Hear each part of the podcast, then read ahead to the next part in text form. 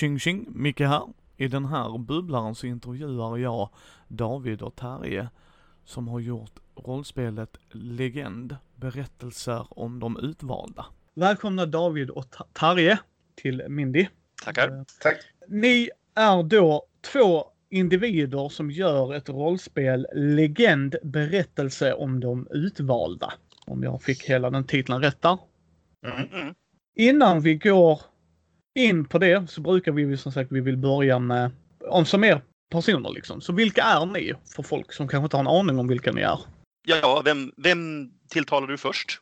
Det, det, vem vill du hålla micken först? Så att det, kör på. David, om du vill börja så är det helt okej. Ja, vem är jag? Jag är en 41-årig småbarnsfar eh, som bor i Enköping just nu. Född och uppväxt i Örnsköldsvik. Har bott nästan tio år i Göteborg tidigare. Jag eh, är för närvarande arbetslös, men jag har jobbat med kultur, som jag brukar uttrycka det. Kulturarbetare. Just nu har jag inget, ingen fast anställning inom det dock. Jobbar på den saken. Jag eh, har rollspelsmässigt en, min eh, viktigaste bakgrund i en spelförening i Örnsköldsvik som heter ÖSF. Där jag har, ja, inom, den, inom ramarna för den så började jag spela rollspel kan man ju säga. Och eh, jag var också engagerad i föreningen i några år. Ja, vad mer vill du veta? Nej, men det är väl lite om dig som person. Jag tänkte jag ställer lite följdfrågor här lite senare. Så att... Mm. Och nästa herre, Terje. Ja, jag är eh, född och uppvuxen i en by som heter Bredbyn utanför Örnsköldsvik. Och jag bor sedan lite mer än 20 år i Umeå. Och eh, jobbar som bibliotekarie i eh, ett samhälle som heter Robertsfors som ligger en, en bra bit norr om Umeå dit jag pendlar då. Jag började spela rollspel i typ 11-12 års åldern eller något sånt. Slutet på 80-talet. Och när jag började gymnasiet så kom jag in i samma rollspelsförening som David nämnde. Och eh, jag har varit aktiv i rollspelskonvent i både Örnsköldsvik och Umeå. Och det gäller ju egentligen för David också. Mm. Och ja, Ja, det är lite om dig där ja. Men spelar ni fortfarande rollspel? Ni är fortfarande aktiva så att säga, eller? Jajamän. ja absolut. Är ni rull eller rollspelare? Rollspelare, definitivt. Jag själv i alla fall. Jag har en, jag gillar inte i regel system för att oftast tycker jag inte att de gör vad de tror att de gör. Det finns undantag, men i allmänhet så är det så. Ja. Jag är inte riktigt säker på att jag håller med om motsättningen där. Men överlag så tycker jag om, ehm, ska man säga, enklare, mer eh, minimalistiska spelsystem. Jag har ganska lite tålamod med eh, eh, ja, mer avancerade regler och där, där man har många olika eh, faktorer på rollformuläret som man måste hålla reda på. Så där, det, det är inte riktigt det som jag tycker är kul med det hela. Nej, eh, och sen vet jag att den här frågan, eh, som jag säger till folk, det är med en stor pensel. Alltså det är bara mer liksom, Mm. vad vill man lägga fokus på? Sen, Mm. sen, är det ju inte alltid så svart eller vitt såklart. Men vad är ert favoritrollspel just nu? Eh, Ja, just nu så jobbar vi, eller jag i alla fall, mycket i huvudet på, på Legend. Eh, och det kanske låter fånigt att ens eget rollspel är favoriten, men det ligger mig i alla fall varmt om hjärtat. Mm. Eh, ska man ta ett, ett, ett existerande rollspel som andra redan känner till så måste jag nog säga Fate Core är min favorit Oh. just nu. Härligt. Legend är ju naturligtvis högt upp på listan. Annars så spelar jag väldigt mycket eh, mitt andra rollspel, Svärd och svart konst. Ett eh, svenskt OSR-spel. Och ehm, egentligen så är de flesta spel i den genren så pass de, de är ju variationer på varandra liksom, så någon form av OSR-system är väl det jag huvudsakligen ägnar mig åt. Annars är ju ett, ett um, en gammal klassiker som, som jag tycker mycket om och som jag också spelar nu, det är Call of Cthulhu. Oh, oh, oh, ja, det är en favorit. Spelar just i, i um, The Horror on the Orient Express. Mm. Och uh, det, det, är väldigt kul. Och med kul menar jag att man är inte säker på att man kommer levande från spelmötet. Men det är Eh, svettigt varenda gång. Call of Cthulhu och andra vinklar på Lovecraftianskt rollspel är ju också en favorit för mig med. Ja. Men, men ehm, eh, ska man eh, prata om en spelvärld som jag tycker väldigt mycket om så vill jag också nämna eh, White Wolves gamla rollspel Mage the Ascension. Just nu spelade jag en kampanj i den spelvärlden men med egenhackade regler baserade på Fate då. Oh, vad spännande. Ja, många, många intressanta grejer. Jag är, är, Skrunt är ju mitt favorit än så länge. Just bara för hur de har varit skrivade. Men jag gillar ju också Call of Cthulhu. Den kosmiska skräcken. Min kompis, en av mina bästa vänner, gillar inte det. För eh, det bryts ju ner. Alltså det är som, eh, Ja, som du sa där liksom att, ja, alltså överleva har jag inte ens räknat med. Jag, jag, alltså jaha, jag dog mitt i, ja, ny karaktär, då fortsätter du liksom. För Mm. han är inte det kul. Spelar ni brädspel? Jag, jag, jag vill säga ja, men sen jag blev pappa för tre år sedan har det blivit väldigt lite måste jag säga. Så att eh, jag hoppas jag fortfarande spelar brädspel. egentligen inte särskilt mycket. Jag, jag har nog aldrig varit just någon mycket brädspelare. Jag menar, när jag växte upp så spelade jag väl en hel del Talisman, Drakborgen, sådana grejer. Men ja, det, det är in, inte något som jag håller på särskilt mycket med sådär. Nej, inte nej, på nej. eget initiativ liksom. Nej, nej, nej, men så är det ju. Så är det ju. Jag vet, jag intervjuade ju um, Petro Nallo. Och Mm. varje gång han satt och spelade brädspel så funderade han på varför sitter vi inte och spelar rollspel. Alltså, ja, ja det, det är min känsla också. ja, nej, men jag tycker det är bara så, som jag sa, det är så härligt när man träffar en sån människa. Absolut, han kan göra det och tycka att det är kul. Mm. Men ändå sitter han, varför sitter vi inte och spelar rollspel? Det här kan bli så mycket coolare med rollspel. Eh, Ja, Så att- nej, om, i- ifall man räknar Magic the Gathering så spelar jag faktiskt lite annat också. Eh, Ja, men det gör det det, väl- Jag vet inte om det räknas som brädspel just, men Ja, det gör är det inte, lite men- egen kategori. Ja, men det är ju ändå i den sfären lite, så absolut. Så att jag spelar liksom Magic Arena spelar jag väldigt mycket faktiskt. Mm. Eh, Jag är också gammal Magic-spelare. Mm. Det är som de säger, lär dina barn spela Magic så har de inte råd med droger. Mm, exakt. Men okej, men ni, ni gör det här rollspelet Legend som kommer ges ut sen på Myling spel, är förhoppningarna i alla fall. Alltså, te tekniskt sett så har ju spelet redan getts ut, men bara i pdf-version. Än så länge, eftersom vi, ja, det har inte tryckts som fysisk bok ännu. Men tekniskt sett går det att köpa just nu. Ja, då kommer det vara en länk i show notesen för er som tycker det här är intressant så att ni kan gå in där och titta. Och Mm. återigen som innan, alla länkar till de här eminenta herrarna kommer finnas i show notesen så att ni kommer kunna få hitta dem. Men om ni två berättar om spelet, alltså för någon som inte har en aning om vad det här är, hur skulle ni pitcha det här? Liksom legend, berättelsen om det utvalda.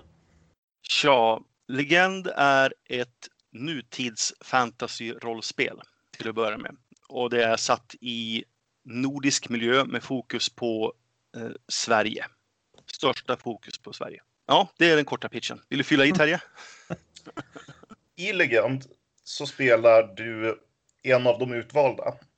Och det innebär att till skillnad från andra människor så har du förmågan att se delar av verkligheten som är dold för den största majoriteten av mänskligheten. Av någon anledning så ser du alla de här olika väsenden och varelserna som lever vid vår sida, men som de flesta av oss är omedvetna om. Eh, du kanske också har magiska förmågor. Du är förmodligen på något sätt utvald av ödet att vara del i, ja, stora skeenden i, i den, Mm. Ja. eh, det, ja. Det, Och- och det, när- det är väl liksom och det grundläggande konceptet för eh, vad, vad man spelar. Mm. Och när vi säger utvald på, eh, alltså på något sätt så betyder det att det kan vara känt för karaktären vad som gör den utvald. Det kan också vara helt okänt. Ibland kan det röra sig om att man har någon typ av magiskt blod, ett släktskap på något sätt. Man kanske är en eh, bortbyting eller ett halvtroll. Man kanske är eh, i själva verket en eh, magisk maskin konstruerad av någon trollkarl eller liknande. Man kan vara ättad av älvorna eller någonting sånt. Men det kan också vara bara att man fjällen faller från ens ögon en dag och så bara ser man dessa saker som finns i verkligheten runt omkring en. Som andra mm. inte ser. Om man går in på, det är ju settingen då och jag gillar sånt jättemycket också. Jag är redan, redan involverad här kan jag säga. Mycket intressant. Men vad är det för eh, motor bakom det? Vad är det för regelsystem som vilar där? Jag skulle beskriva det så här att i grund och botten så har Legend en traditionell arbetsdelning mellan spelare och spelledare.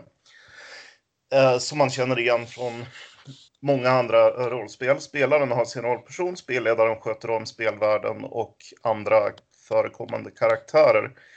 Och det har själva grunden i systemet också. Det, det är i grund och botten ett friformsspel det här, där spelledaren presenterar en situation, spelaren berättar vad rollpersonen ska göra. Spelledaren gör en bedömning utifrån rollpersonens egenskaper, typen av handling, svårigheter som kan förekomma i situationen och vad som kan vara intressant i berättelsen. Eh, det, det är själva kärnan i det hela. Men sen så har vi också ett sätt att tillföra slump och um, intressanta inspiration. inspiration till det hela. Och vill du berätta om korten, David? Ja, nu skulle jag ha dem framför mig såklart, så jag kan beskriva dem bättre. Men det, det finns 12 så kallade händelsekort.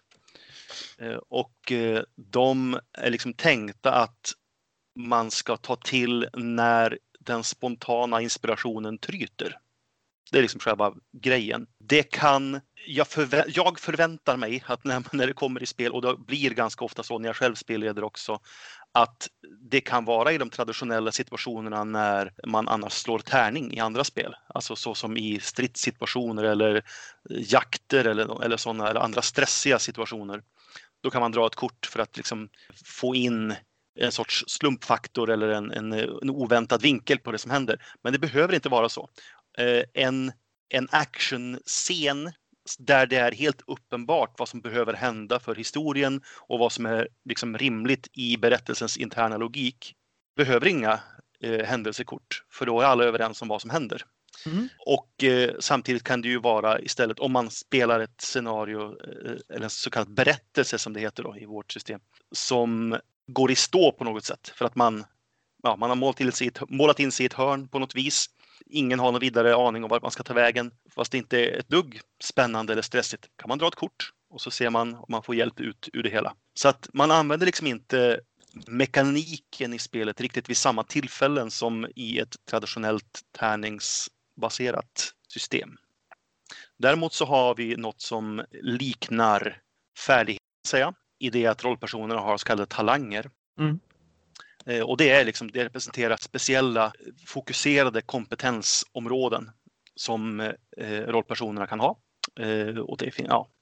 Eh, men istället för att slå för dem så betyder det att om man har en talang uppskriven på sitt formulär så betyder det att det är liksom en, sån, en faktor som spelledaren och spelaren för den rollpersonen ska liksom ta i beaktande när man spelar sin karaktär och när man kommer till olika typer av hinder i berättelsen. Ja, mm. ja men det, det låter...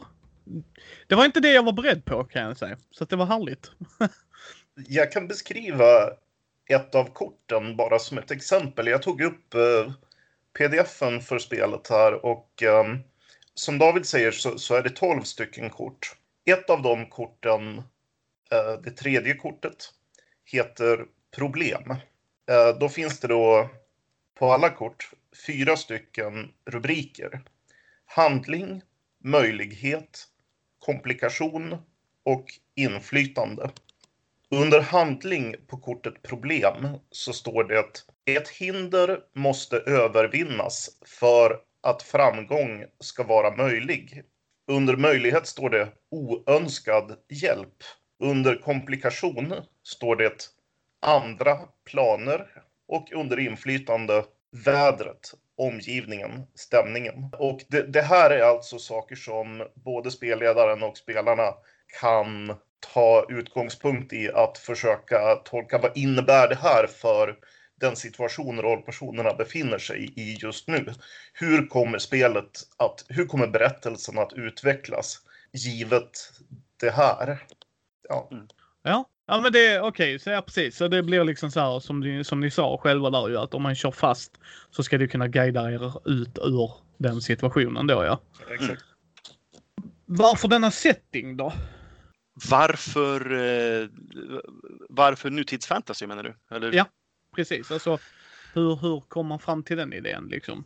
Den första impulsen till legend tror jag faktiskt var i tanken varför finns det inget Harry Potter-rollspel än? Ja, det, det kommer jag ihåg att vi pratade om. Ja, eh, men, men det har utvecklats ganska långt ifrån det. Mm, eh, nu. Det, det, som är kvar dock sen den grundtanken det är att fokus på magi är fortfarande ganska stark. Eh, det är ganska omfattande diskussioner i spelet om just magi. magi. Magisystemet är så att säga system inom någon sorts citattecken. för, för att vara ett friformsspel så, så är det förvånansvärt mycket system kring eh, just sådana saker. Ja. Men det är ju för att eh, man kanske kan behöva lite extra eh, hjälp att, att uh, navigera sig i, i, hur fungerar trolldom och sådär. Ja. Mm. ja, alltså det, det, som har utvecklats är ju inte på något vis ett systemlöst spel. Det är inte bara en setting, mm. det, det, är Nej. ganska mycket system i det fastän det är inte ett ett vad, i min värld traditionellt system. Utan ett, ja, berättelsefokuserat system är det. Mm. Och i, i magidelen eh, så är det dessutom ganska starkt eh, hopsatt utav eh, verklig okultism eftersom både jag och Terje är ganska intresserade av sådana ämnen. Ja, ja, ja, alltså bara. Ja, ja, jag kan säga så här. Det är inte ett tema som man ser ofta. Det finns säkert, alltså det tror jag. Liksom så. Men att ni har satt det i Norden och i Sverige. Eh, alltså jag är ju väldigt intrigued. Jag vill ju gärna ta en titt på det här och när det är så här mer friformigt men ändå lite struktur i det gör också att men okej, okay, jag, jag personligen är inne. Jag, jag ser fram emot att få titta på detta sen kan jag säga. Eh, men hur kom ni fram till systemet inom kaninöronen? Alltså sättet att ni skulle spela på. Var det också tydligt från början eller var det? Nej. Eh, Ursprungligen så hade vi ett system med siffror och tärningar och hela kittet. Ett väldigt mm. traditionellt uh, rollspelssystem. Mm, grundegenskaper, uh, färdigheter, allting. Ja. Och sen Poäng. så... Ja. ja. exakt. Och, och, sen så stötte vi på ett uh, norskt rollspel som heter Itrasby. Och ja. då förändrades hela grejen. Mm. Exakt, och det var, det var egentligen i en fas av spelets utveckling Eh, då vi hade kämpat ganska hårt med att få ordning just på ett väldigt avancerat magisystem. Och vi slet som, som djur för att få det här att funka i vilka mm. typer av eh, färdigheter och underfärdigheter och det var hela träd av systemmekanik i det här. Och skulle man ha besvärjelser och hur skulle man få in eh, spontan magi och så vidare. På den tiden var det rätt mycket influenser utav eh, det gamla utmärkta rollspelet Ars Magica i funderingarna där. Fast det var ärligt talat var det mer komplicerat än så. Och sen så mm. stötte vi på Itras by och så bara, vi slänger alltihop. Hej då! Hur många års arbete pratar vi där? Ja, vad var, vad var det för år då? Sex. Ja, fem, sex år. Jag bara, nej. Ja, fyra, fem kanske, men ändå. Må många års arbete. Ja. Mm. Men hur, hur kändes det då? Alltså för jag menar det är ändå fem år av ens liv som man bara, jaha. Ja, nej, men, nej, men alltså var... ärligt talat kändes det skönt då. Ja, det gjorde det för att vi hade kommit in i en, en ganska stor återvändsgränd. Vi verkligen, vi la så himla mycket tid på att försöka få det här liksom regelcrunchiga att gå ihop och fundera på hur man skulle få det balanserat och så vidare. Så bara, nej men vet ni vad? Det är inte det här spelet ska handla om. Det här spelet ska ju handla om magi, inte om eh, matematik och tärningar. Hej då! Tjup. Ja. så det har varit, eh, eh, ja men Itras by var den stora inspira inspirationen där. Alltså det här glädjer mig. Alltså att dels att vi kan ha eh, framtida rollspelsskapare som lyssnar på er intervju här och inser att om man har suttit fem år med det och sen bara kommit till som ni sa, ni, ni kände att ni var inträngda och sen bara, nej men det här är ju bättre. Bort med det och liksom bara göra det. Att förstå att, vad ni ville åt utav det, all heder till er.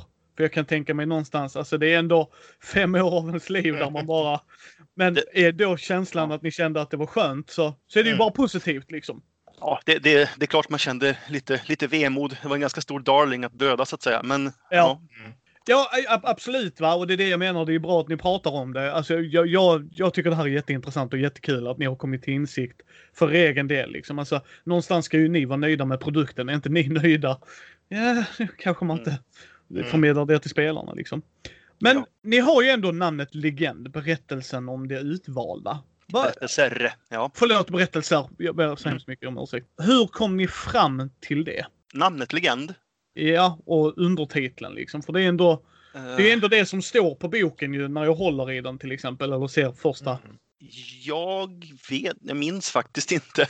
minns du Terje? Kommer du ihåg var vi fick det ifrån? Alltså det här var ju 2001 då spelet fick sitt namn. Sen har det ju stannat kvar. Det börjar bli ett tag sedan. Nej men legend, är ett ord som liksom betecknar det är bokstavligen vad det är. Det, ha- det handlar om att skapa legender, att vara i en legend. Att, eh, alltså det är ju en bokstavlig beskrivning av vad spelet handlar om kan man säga. Eh, Alltså, det innefattar ju både det här med, med stora episka berättelser och så antyder det att det utspelas i någon form av mytologisk värld. Ja. En, en, en magisk värld. Och så kan man också tänka sig att man, man kan associera till en historisk koppling också. Det är väl Mm. ganska ofta teman i legend också, att, att det handlar om att man, man möter på ett eller annat vis uråldriga element såsom Mm. tusentals år gamla drakar eller eh, artefakter från eh, forntiden eller sådana saker. Så att det finns liksom kopplingar bakåt i tiden. Mm. Legend, ja det tror jag. Ja. Hur mycket speltester har ni gjort genom åren här? Ja, fokuserade speltester så som har varit liksom med nedskrivningar och verkligen reflektioner från varenda spelpass. Det har vi nog inte gjort på några år nu. Men hur många, det kan jag inte ens svara på. Jag vet inte. Hundratals. Du, du har väl spelat Ja. några kampanjer i spelet liksom? Jo, det har jag Och, gjort. och, och jag, jag har ju spelat eh, åtminstone äventyr i det. Mm. Plus det att vi har spelat med folk som inte är liksom så att säga i våra ordinarie spelgrupper eh, utan Ja, precis. Ehm, främmande spelare liksom. Som, Sen är det ett par av våra vänner som har spelat eh, ja, absolut. separata scenarion också. Mm. Um, och gett lite feedback. Alltså det, det, har ju, det har ju utvecklats till mindre formellt speltest på senare år och mera i nivån av att oj, här upptäck, upptäckte jag en grej som vi kanske behöver kolla på. Ja. Och sen så snackar vi om den saken och så, hmm, ska vi ändra det eller är det här okej att det blev på det här sättet? Ja, och så funderar man fram och tillbaka och så blir det kanske en ändring i den svällande texten. Ungefär så har det väl varit. ja. ja, ja, nej men det är alltså vissa each to its own. Jag vet Wilhelm Persson speltestar inte alltid sina spel. Så. men han gör ju inte stora episka spel alltid kanske heller, men. Ehm, Nej, ja, nej men se, jag måste väl säga sedan vi gjorde skiftet till ett, eh, ett berättelsefokuserat system så har det ju blivit mindre fokus på, på just system i speltesterna Ja, och- och mer fokus på vilka element vill vi lyfta in. För jag menar, I och med att systemet ser ut som det gör så är ju också Alltså, i, jag vet, eh, är det en allmänt vedertagen eh, term att prata om fluff och crunch i rollspel? Ja, alltså för jag menar crunch är alltså om man tar, det är det som är intressant. Alltså du har ju regler. Crunch skulle jag säga är Ja. typ såhär drakar, eh, Dungeons and Dragons 3.5.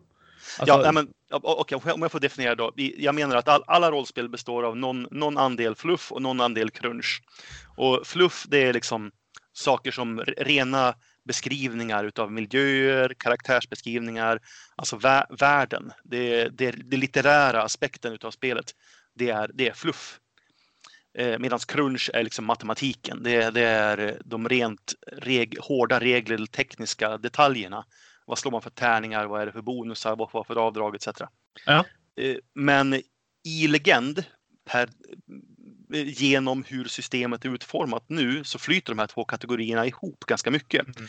Det betyder att man kan liksom inte lägga till en regel i legend utan att förändra spelvärlden. Förstår du?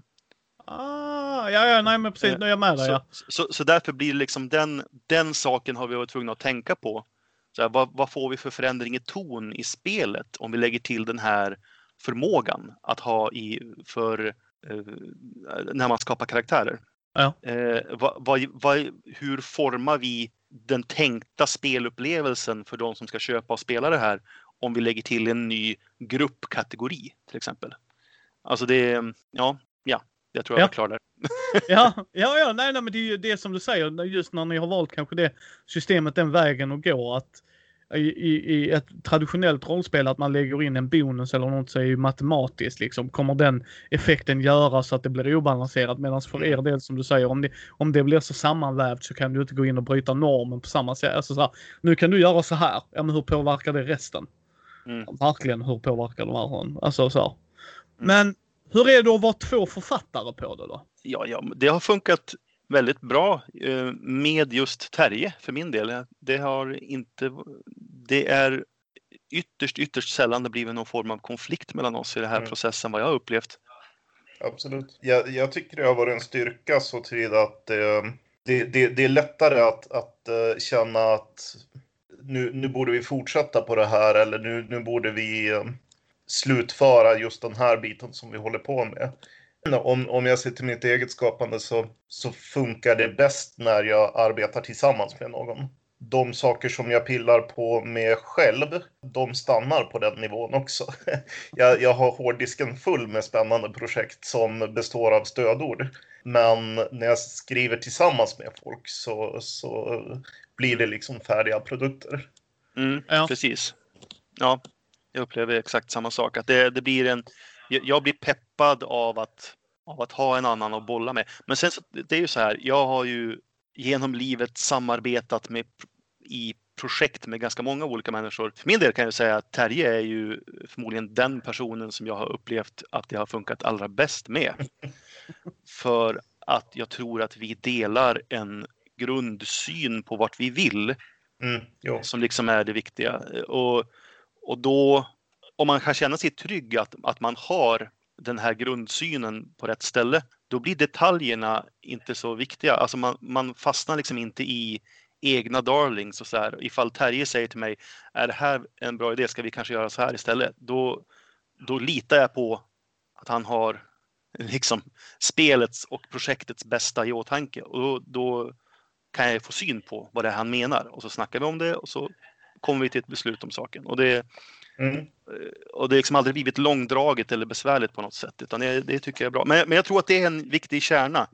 Ska man vara fler och skriva så tror jag för det första att det är nog bra att hålla sig till två personer, tror jag. Det blir nog jobbigt om man är eh, fler, tror jag. Och man behöver vara säker på att de inblandade är överens om vart man ska. Liksom man behöver ha en samsyn i vart man är på väg och vad, vad mm, poängen är med projektet. precis. Ja men det, det, det är intressant. Det är bra poänger där ju. Att man måste ju känna sig bekväm med den man gör det med och ha den tilliten som du sa där med att projektets bästa, det handlar ju inte om egoism. Alltså så här, man kan ha, ja men jag vill ju den här delen ska vara med och då kan det ju vara bra när man har en man litar på. Men tillför det något? Alltså Mm. förstår att din idé att du tycker det är coolt men tillför det något? Det är Mm. jätteroligt att höra. Eh, Och jag kan också tänka mig ju mer kockar ju sämre soppar tyvärr. Alltså verkligen. Ja, men jag, jag, jag tror nog mest att problemet där i så fall är att det blir svårt med den här samsynen. Är man tre personer, blir det, ju fler personer man är, desto svårare kommer det vara att, att, alla verkligen vill åt samma håll. Mm. Jo. Det tror jag är största problemet. Hur, för ni har ju inte kört detta via Kickstarter om jag förstod det här rätt va? Eller någonting sånt, crowdfunding. Det har vi gjort. Jo det har ni. Ja okej, förlåt för jag försökte hitta Mm. lite. Men var det Kickstarter eller var det en annan plattform? Det var Kickstarter. Ja. Det, det var väl, om jag inte kommer ihåg fel eller om jag inte missuppfattat det, så, så är det väl den första svenska rollspels-kickstartern. Det var det. Hur var Eh. era tankar där? Alltså varför just Kickstarter och hur gick den processen och allt sånt där? Det var på tips ifrån Mylingspel som är vår, vårt eh, förlag för spelet som vi kontaktade någonstans där runt 2013 tror jag om, Mm. om eh, de var intresserade av att hjälpa oss ge ut det. I, vid det laget hade spelet suttit fast i liksom hos oss så att säga väldigt länge utan att faktiskt bli något, ett riktigt spel. Ehm, Men Mylingspel var intresserade av att hjälpa till med det och de rekommenderade att vi skulle testa Kickstarter. Och eh, tillsammans med dem då så eh, drog vi upp en eh, kalkyl vad vi trodde att vi behövde i pengaväg och, och så för att få den, för att kunna producera den boken vi ville ha. Ehm, Den Kickstarten och det var ju viktigt att de var med där för att Kickstarter behöver ju ett företag i grunden. Och, Mm. Mm. Ja, det, det krånglet ville vi inte ha som privatpersoner då. Kändes Nej. skönt att ha, ha en publicist i grunden, där, ja, ett, ett förlag. Eh, Och Mylingspel var ju redan då eh, erfarna rollspelsutgivare med lång, lång tradition bakom sig. Ja. Ja, eh, vi körde den kampanjen och den gick inte superbra, men den gick helt okej. Den gick i mål med våran, ja, och det gick ungefär 10 000 kronor över vår, den budget som vi hade satt som, som minimum för att ge ut spelet då. Det, det kan man kommentera att de Kickstarter är ju i teorin ett, ett bra sätt för den som vill genomföra ett projekt men själv saknar kapital att få in sånt kapital. Men då bör man nog tillägga att det funkar jättebra om du redan har någon form av namnigenkänning i din produkt eller de som gör det. Det kommer ju leda till att Kickstarten får mer uppmärksamhet, att fler personer känner förtroende för det och eh, kanske redan har ett intresse för den här saken som ska genomföras. Säg en, en eh, ny utgåva av ett gammalt populärt spel eller så. Mm. Eller ett nytt spel från en redan beprövad spelskapare. Det var ju inte fallet för oss. Det var ju svårt för folk att veta, kommer de här att göra något bra? Vad, vad är det här för ett spel? Mm. Så, Sen, er- gjorde, vi, er- sen gjorde vi några kritiska misstag också. Men det ska vi Ja, komma till. Ja. Jo, jo, precis. Mm. Så eh, om, om man ska dela med sig av erfarenheter och tips till, till andra liksom, så kan man säga att Kickstarter funkar absolut att använda även för eh, små skapare som, som inte har en etablerad produkt eller redan har ett känt namn. Men det finns nog ingen chans att man kommer upp i sådana summor som eh, mer etablerade eh, projekt kan få. Nej. Och sen som sagt, vi gjorde ju misstag att vi gjorde en alldeles för snäll glädjekalkyl Ja, eh, i våran budget. Vi hade behövt budgetera ja, eh, typ kanske 80 000 som minimum för att kunna göra projektet på det sättet som vi ville då. Men vi hade, om jag minns rätt, tror jag att våran gräns var 55 000 och vi fick, in 65 000 Ja. ungefär. Och det har lett till att projektet efter kickstarten har lidit stort brist på, på eh, pengar helt enkelt, hela vägen. Och eh, du vet den här, eh, den här gamla sanningen, du kan välja två, billigt, bra och snabbt. vi ja. valde inte snabbt. Nej, Nej. exakt. Vi kunde inte välja något annat än billigt och vi ville inte ge ut, ge ut någonting som var dåligt. Så Nej. då tog det fruktansvärt lång tid istället för att vi har varit tvungna att göra färdigt allting på stunder inemellan det, an, det övriga livet eh, som stundvis har varit ganska hektiskt. Se fotnot småbarnspappa. Ehm, och, eh, men framför allt så underbudgeterade vi eh, illustrationer något enormt. Mm. Det, skulle vi, det var det största misstaget. Det är vi- viktigaste poängen. Se till att ni har illustrationer planerat hur det ska gå till och hur det ska finansiera det. Eh, löser man det, då har man kommit halvvägs ungefär, skulle jag säga. Mm. jag, jag kan inget annat än att tacka för den här öppenheten för att det är jättebra. Det är många som underskattar illustrationer. Eh, tror jag liksom. Dels kostnad Mm. eh, men också tid att göra. Alltså du vet hela Mm. den processen. Så att, tack så hemskt mycket för att ni pratar om det. För Mm. det är en, där är ju en alla vill ju ha illustrationer i sina rollspel tror jag mer eller mindre. Mm. Det finns ju olika sätt att lösa det på, beroende på vad det är för rollspel förstås. Men om man har en, ett tema på sitt rollspel som passar så kan Mm. det vara möjligt att få ihop illustrationer bara på eh, public domain eh, bilder. Absolut. Det är faktiskt, vill man få ge ut ett rollspel riktigt billigt och som fortfarande ser bra ut och professionellt och snyggt liksom. Så då ska man fokusera på ett tema som, som, eh, där man vet att det finns gott om högupplösta public domain eh, illustrationer. det, är, det är ett sätt. Eller såklart, var själv en illustratör. Det är ju en del som löser det så också. Mm. Ja, Mm. så är det ju. Eh, och då vill, jag, då vill jag dock trycka på vara illustratör, inte person som är beredd att rita. Det är Nej. olika saker. Ja, ja, nej, nej, precis, precis. För jag, jag vill flika in en personlig åsikt här. Illustrationer som ser gräsliga ut är sämre än inga illustrationer. Jag är lite på ditt tåg där David. Alltså för att det kan ju göra att jag bryter i emotionen. Alltså det är som när man läser en bok egentligen ju. Och så plötsligt så, den här bilden är gräslig, nu är jag helt ute ur det jag läser. Mm. Mm, Eh, och det, det kan jag hålla, hålla helt med dig liksom. Sen så eh, en annan sån sak. Eh, tänk också på det här med layout. Om du inte själv har utbildning och kunskap så anlita någon som har det på riktigt. För det gör sån enorm skillnad om någon som kan i alla fall grundläggande typografisättning lägger hand på din bok. Det blir en eh, jättestor skillnad i slutprodukt. Ja, alltså det är precis. Det, man, någonstans vill man ju att folk ska kunna läsa det. Jag, Mm. jag har ju rantat i podden om eh, Fantasy Flights Age of Rebellion. Eh, Star Wars då rollspelet. Mm. Och eh, jag läser i snitt ungefär ett rollspel i veckan. Som jag säger till folk för att jag gör mina videorecensioner och så. Och det är den sämsta regelboken jag någonsin har läst i mitt liv. För även om de har en layout som är jättesnygg och det så är det ett sånt ordbajseri så jag vill slänga boken i väggen. Mm. Eh, ja, för varje gång, ja, för varje gång vi ska hitta en regel så hittar vi regeln. Men det är typ så här två paragrafer senare, eller stycken senare, och här kommer regeln. Och så man bara, varför börjar ni inte med regeln? Varför gör ni inte såna här grejer? Jag vill ju nyttja er produkt, jag vill läsa spelet liksom. Det är liksom så här, visste ni att man kan i Star Wars spela Luke Skywalker, Darth Vader och så går de igenom alla karaktärer man bara, ja men alltså snälla någon, ta tre exempel, det får ni jättegärna göra liksom så. Ta Wookien liksom, ja men inte alla utan bara tack nu vet jag hur det funkar. Och många glömmer nog bort det tror jag liksom. Och det är jättebra att höra som ni säger liksom att det är en helhetsprodukt. När de väl sitter där så ska ni, tänker jag mig att er tanke är i alla fall att jag ska kunna mer eller mindre komma igång och spela med mina vänner.